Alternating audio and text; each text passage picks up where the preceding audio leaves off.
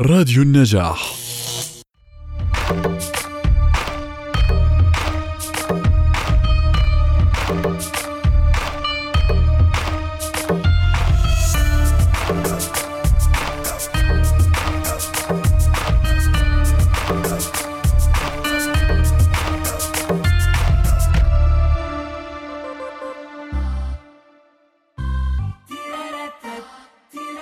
عود نفسك على الفرحة. حتى تعتاد هي عليك. اجعل روحك تشعر بالأمل حتى تجد الدنيا بين يديك. افرح بما لديك حتى يأتيك أكثر مما تتخيل. واشكر العاطي يذهلك بعطائه. بدأنا معكم اليوم في حلقة جديدة من برنامجكم رشة ثقافة. باقتباس يبعث بالأمل والسعادة. آملين أن تغمر الفرحة قلوبكم على الدوام.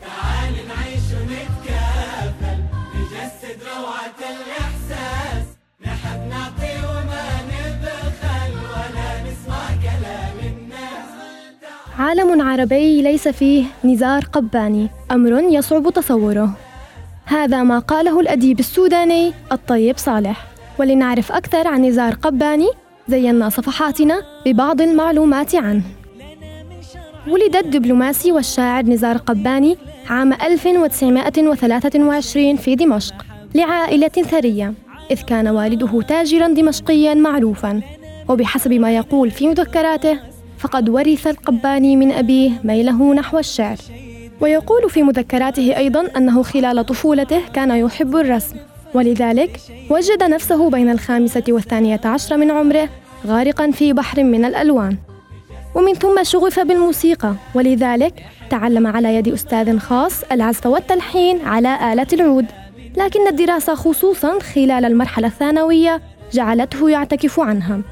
درس شاعر الحقوق في الجامعة السورية وفور تخرجه منها عام 1945 انخرط في السلك الدبلوماسي متنقلا بين عواصم مختلفة حتى قدم استقالته عام 1966 كافل نجسد روعة الإحساس؟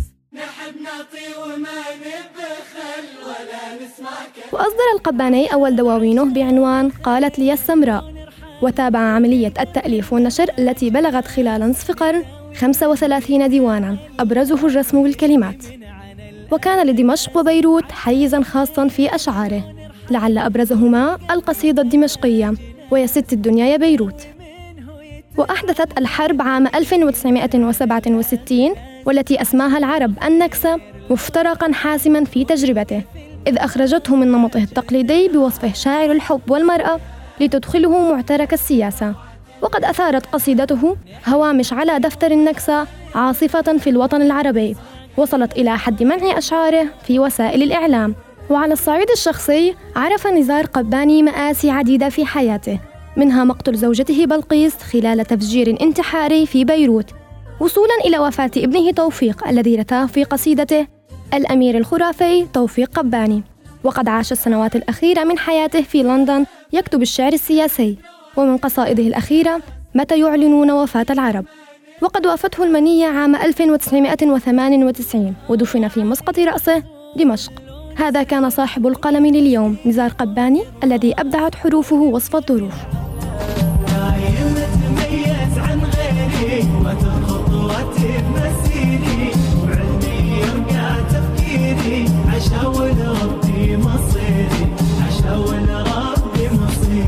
مكتبة الملك فهد الوطنية. هي المكتبة التي سنتحدث عنها لليوم.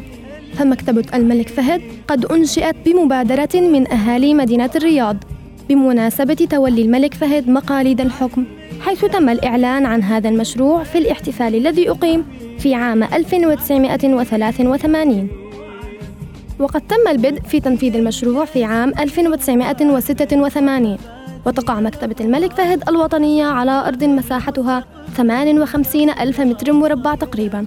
خصصت منها مساحة 30 ألف متر مربع حديقة للمكتبة ولمبناها 28 ألف متر مربع. وتبلغ مسطحات مبناها الرئيس 23 ألف متر مربع. وأيضا تقع مكتبة الملك فهد في قلب الرياض الحديث. كما يتوافر للمكتبة مواقف في فنائها حول أسوارها من الجهات الأربع. تتسع لحوالي 300 سيارة. وتتكون مقتنياتها من عدد الكتب وفقا لآخر إحصائية مليون وأربعة وثمانين ألف وخمسمائة وأربعة وعشرين كتاباً. ومقتنيات الإيداع السعودي من كتب ودوريات وصحف أكثر من 300 ألف مادة وأيضا العناوين السعودية أكثر من 65 ألف عنوان. وتصل معدلات التزويد السنوي بين 30 إلى 50 ألف كتاب. ويودع سنويا قرابة ال 500 ألف كتاب. وواحد وعشرين ألف رسالة ماجستير ودكتوراه بالإضافة إلى أكثر من أربعة آلاف مخطوطة. هذه كانت جنة الورق لليوم مكتبة الملك فهد الوطنية. شفت ياما ناس منى هتعيش العمر جنبك